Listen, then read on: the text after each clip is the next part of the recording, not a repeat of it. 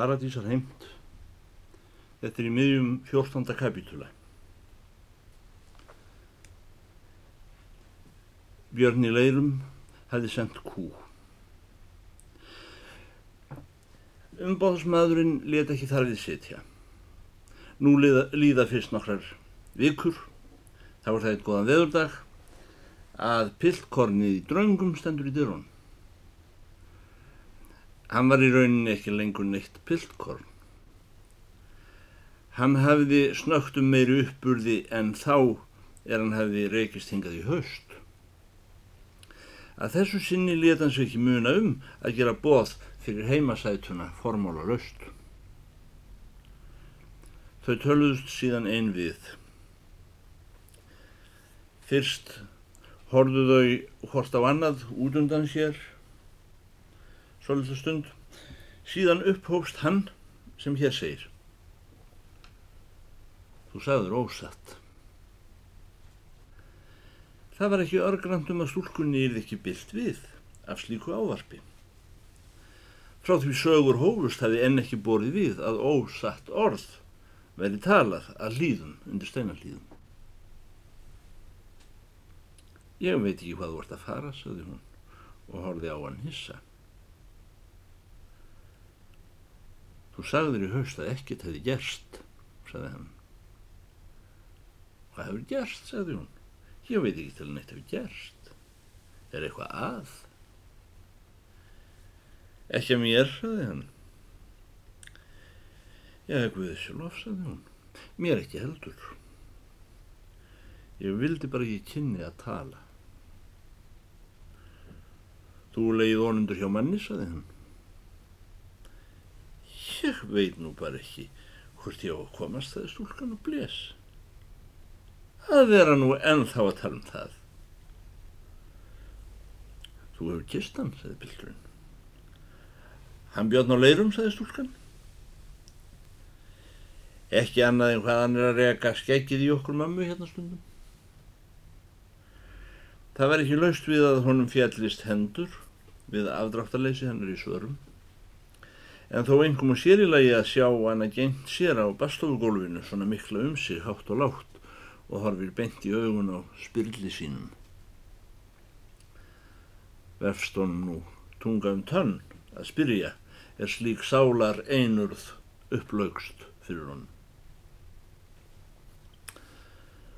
Sumir segja þú sérst að digrast, sagði hann loks. Mér sínist það líka. Hún sagði Víst er ég ekki útlitt skoð manneskja, það er satt. En get ég gert að því þó ég þroskist? Ég heilið þú hefur ekki glemt því sem álpaðist upp úr mér í höst. Að þú verði nokkuð mjög ór. Ég veit ekki af hverju ég fór að segja það en nú byrði ég þig að erfa það ekki við mig. Það er fári af digrir og hann björn á leirum, saði pilturinn. En það hefur hann gefið þér kú. Hvor segir það? spyr hún. Það er sagt, segir hann. Er farið að telja mig fyrir hér? Einhvern veginn ertu komin í safni kalsins, saði pilturinn. Komin í hvað, saði, segir stúlkan. Hvað allt í getur upp úr þér? Ég sem held þið verið svo gott fólk í draungum. Áttu við okkur erindi. Valla getur það nú heitið, saði pilturinn. Mér skildist ekki betur en hann hefði talað út um þetta við þig. Út, saði stúlkan. Hvernig út? Og út um hvað? Ég veit ekki með þér. Vildi hann ekki gifta þig? Ætlaði hann ekki að verða þér út um mannsefni? Ég held þú sért eitthvað einkennilegur, sagði hann. Ég er vist hálf einfaldur, sagði hann. Að minnst að kosti hjá þér. Hann björn á leirum er varður að gambra við fólk til að skemmta því, sagði stúlkan. En þó mér þykir gaman að heyra hans grafa þá hef ég ekki heyrt að neitt væri skildur að taka mark á því. Þannig eru kvennamennir lífandi komnir, sagði pilturinn. Þeir gambra og gambra og enginn tekur mark á neinu, síst hvem fólkið. Það veit bara ekki fyrst til en það er komið ónundur þeim. Já, svona til að sofa af blá nóttina kannski, sagði stúlkan, einhverjum þegar öll rúm eru upp gengin. Þeir bæta í safnið hvar sem þeir gista. Mér skil það negi aðra austri síslum síðan í höst og þá þriðjus söður í Ölfusi og vísast margar enn. Ég kalla þig hafi verið víða með nefið, sagði stúlkan. Hann gaf mér ekki kost á að velja nema úr þessum þremur, sagði bildurinn, en mér skildist hann vildi gefa best með þér. Og ætli ég kannist ekki við stríðinu úr húnum byrni kallinum, sagði stúlkan. Þá væri ég nú kalluð laglega heimsk ef ég tæki mark á gemsinu því. Hann bauð fram tíu hundraða jörnaði, sagði bildurinn, og áhöfn eftir samkómulagi. Ljær þú máls á svona löguðu, sagði stúlkan. Naumast þú heldur þig mannin. Valdast hvað þér sínist, sagði hann. Mér, sagði Súlkan. Mér sínist ekki neitt. Verð ekki að blanda mér í sjóbúðartal. Hvað ætlastu fyrir, spyr hann. Ekki neitt, sagði Stúlkan. Við erum bara að býða trónum pápa. Einu sinni held ég nú kannski þú hefðir litið vel til mín, saði hann. Verði ekki að stríða mér meir í dag, saði hún. Við eigum kaffilús, meðum við ekki hell upp á handaðir. Hann horfði á hana góða stund og var ekki lengur rækinn í því hvað gera skildi. Lokstóðan á fætur, tók upp húfuna sína, horfið fyrst onni hana og sneri henni síðan við. Geti þér dótti í hugað eiga mig, saði hann. Nú leið stúlka niður fyrir sig, svo ummunaði og sagði Ég veit það ekki. En þú? Ef ég vissi nokkun veginn hvað ég gengi að eiga, sagði hann. Eins og ég sagði við hann Björn, hvað kemur hann Björn á leirum því máli við þaði stúlkan? Jörðu á höfnir ekki nóg fyrst slíkun maður á í hlut, segir hann. Hvað erum við að ætla upp á hann Björn á leirum og ókunnugan mannin, segir stúlkan. Nú kemur hann pápifum bráðum heim og þá segir við hann, viltu láta okkur jóa í draungum eftir part af hlýðun. Það var nú heldur, segir hann. Pápið þinn er fátækur maður, sagði Pilturinn. Pápið minn er líka fátækur maður. Hluturinn minn í Þorláksöfn hefur runnið inn í búið heima en það hef ég ekki verið fjárum míns ráðandi fyrir þessu ári. Mér finnist gefið málað nota sér takið á honum byrjun á leirum og byrja um hreint gull út á þetta maðurinn sem reyðir það í þverspókum um landið. Út á hvað, spyr stúlkan. Reynlega út á það að þú skulle hafa farið upp í hjónum eins og þú hefur sagt mér sjálf og að látið hann svæfa þig, saði piltunum. Mikið er ég fegin, ég leti aldrei koma bak honum krapa hans pápa mín, saði stúlkan. Hann sletti þig enskri gínegu en þú átt að minnst að kosti hjá hann hundrað. Ég vil þú farið sjálf til hans og segir hún það. Ef ég fer nokkuð þá fer ég til hans pápa míns, því hann á bæði gull og jarkna steina, fyrir utan töfragrip í leini hólfum sem aldrei nokkur maður skal fá að sjá, sagði stúlkan. 15. kapitúli Barn um vorið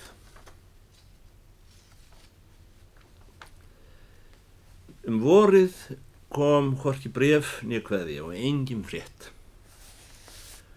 Postskipi Díana var sagt komið og farið. Frammiður sumarmál var beðið og vonaði hlýðum að kannski kæmi á endanum baglaður seðil, handleikin af mörgum mórhinn, sveitum eins og í hausleið, en það var öðrum nær. Það kom ekki eins og lömbúr ánum eins og hjá öðru fólki og smátt um átt eiri.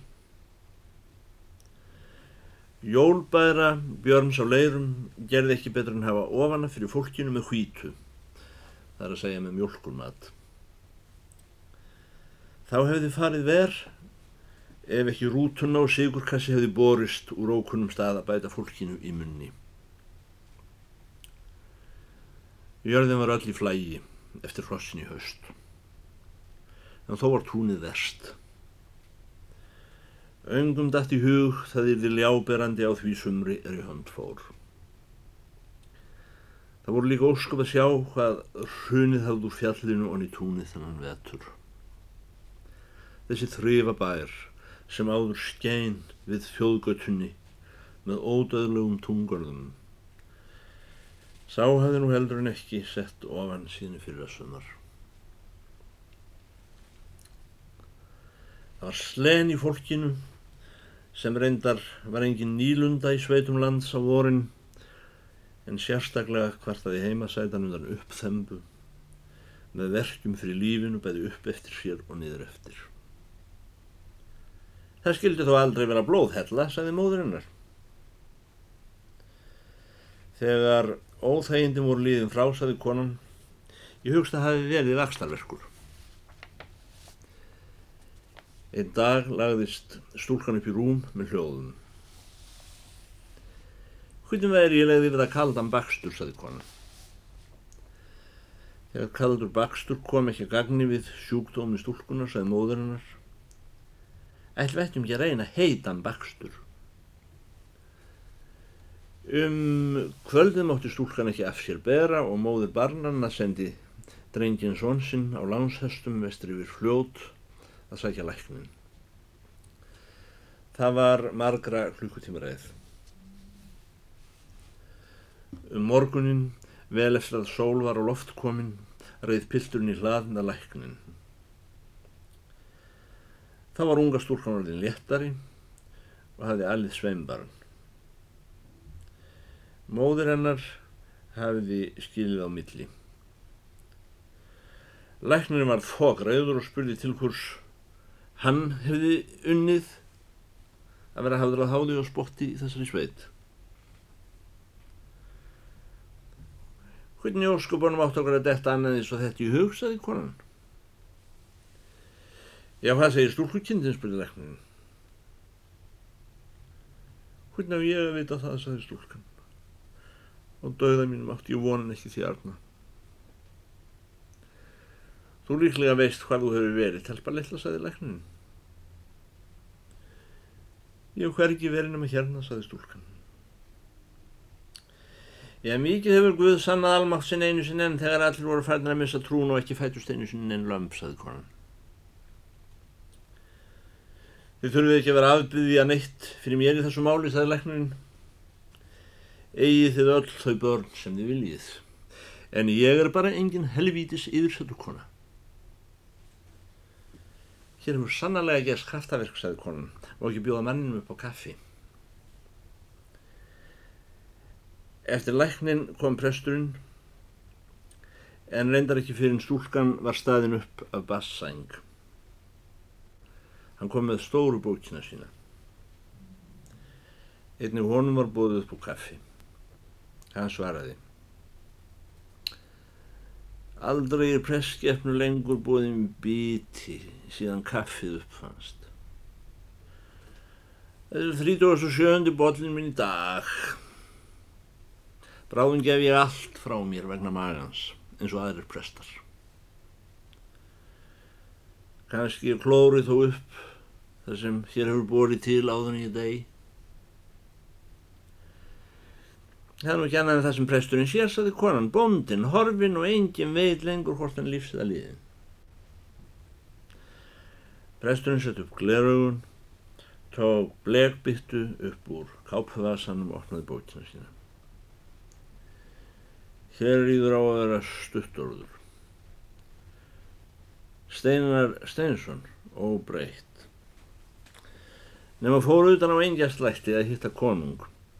Emdur segir hann hafa hitt fjóðreg fleskvænismann og nýðurdývara úr eilöndum. Já, hum, kona góð. Hann skilar sér ef hann er ekki döður. Hvað fleira? Það var það börnin og ég, saði konan. Já, ég hef mert allt hjá mér sem ég hef skýrst og femt, saði presturinn. Nokkur fleira. Ekki utan á hvað kom upp á, saði konan. Hér hefur fæðst barn. Já, hum, saði presturinn. Ha, bar það ekki rétt að eða hvað? Já, það botnar engin í því enn, saði konan. Nú er stúlkan sótt og presturinn látin tala við hana í einrúmi í stofunni. Hvað er langt síðan við vorum að ítast á út af kristindómi fugglinum? að hann átti við hvernig hún hefði fermst. Og þegar hún hefði svarað því saði presturinn að mörg stúlka væri komin í gagn þó yngri væri. Og ég heyri að bandfuglinum heilsist vel. Vistur um það, sagði stúlkan og hafið þér sæl spurt. Og fæðirinn spyr prestur Ég veit það ekki, sagði stúlkan það bara kom svona Já, hm, sagði presturinn. Ha. Hún, um, móður mín er alltaf að segja að, að það þurfa að vera einhver fadir, sagði stúlkan. Ég sagði að segja, skil það ekki, til hvers? Það er talið viðkunnalar í kirkjubók, sagði presturinn. Í hverju hefur þú lent, huglinn minn?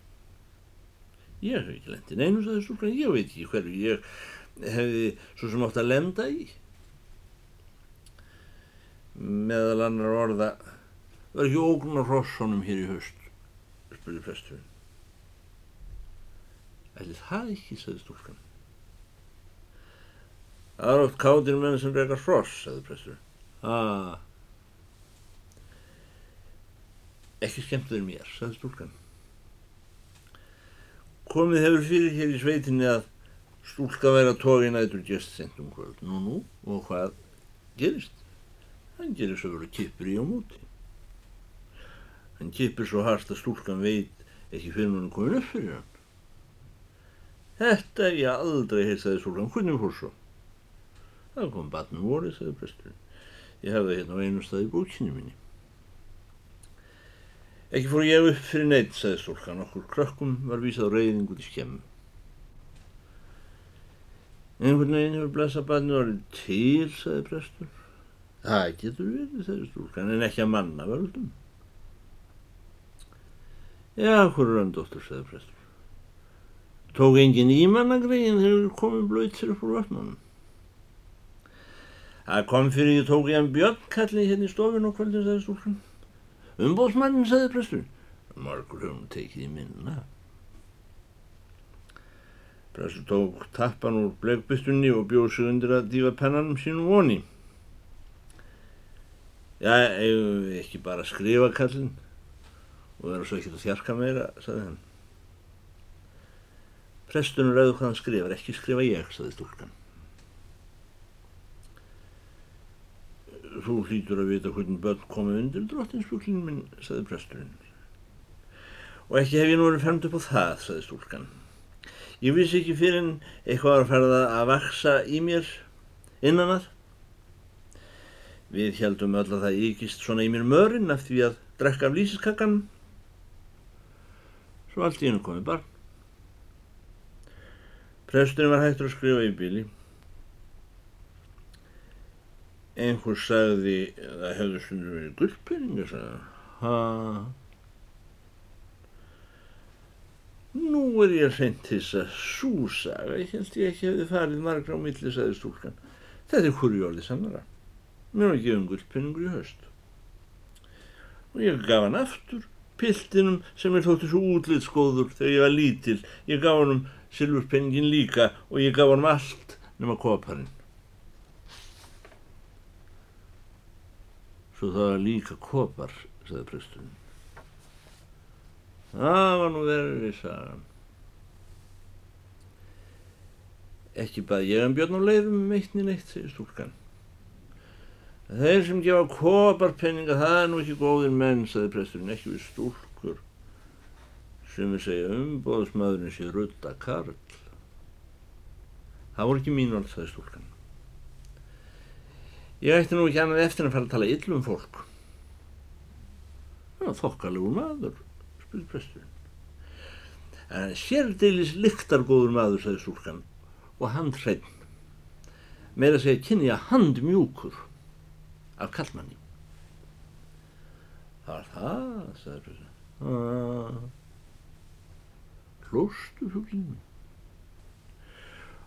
oft hlær heimskurð hugsun sinni það er stúlkan þó hann gerði ekki nema rétt koma við mjög með fingurgómanum á kvöldin þá var ég sopnuð það var því sem ég hló ég var eins örug og hjónum pápa mínum. Sopnuð, já. Akkurat, sagði presturinn. Hæ? Ég fleiði mér stundin til fóta hjá hann þegar svo var framorðið að ekki tók að fara út í skemmu á reyðing, sagði stúlkan. Ég veit að maður á ekki að vera að segja frá svona. En mér langaði bara að segja að hann Björn Kallin er engin ruttinni og þokkalegur maður, öðru nær. Tókstu nokkuð eftir hvað hann kom við, sagði presturinn. Og ekki var það nú, sagði stúlkan. Sagði ég ekki að ég hefði sopnað.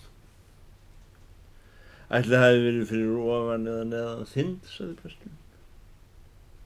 Þind, endur tók stúlkan öldungislessa. Ég hef ekki hugmyndum hvar þindin liggur einu sinni. Ég, ég er aldrei neitt að gera mér rellu út af því sem er innan í manni. Já, það má vara sig á þeim hérna þó þú sé ekki mormónir, sagði presturinn. Varaðu að verða ekki mormónakonur hófa mitt. Ef hann pápi minn er mormón, sagði stúlkan, þá vil ég vera mormónakona.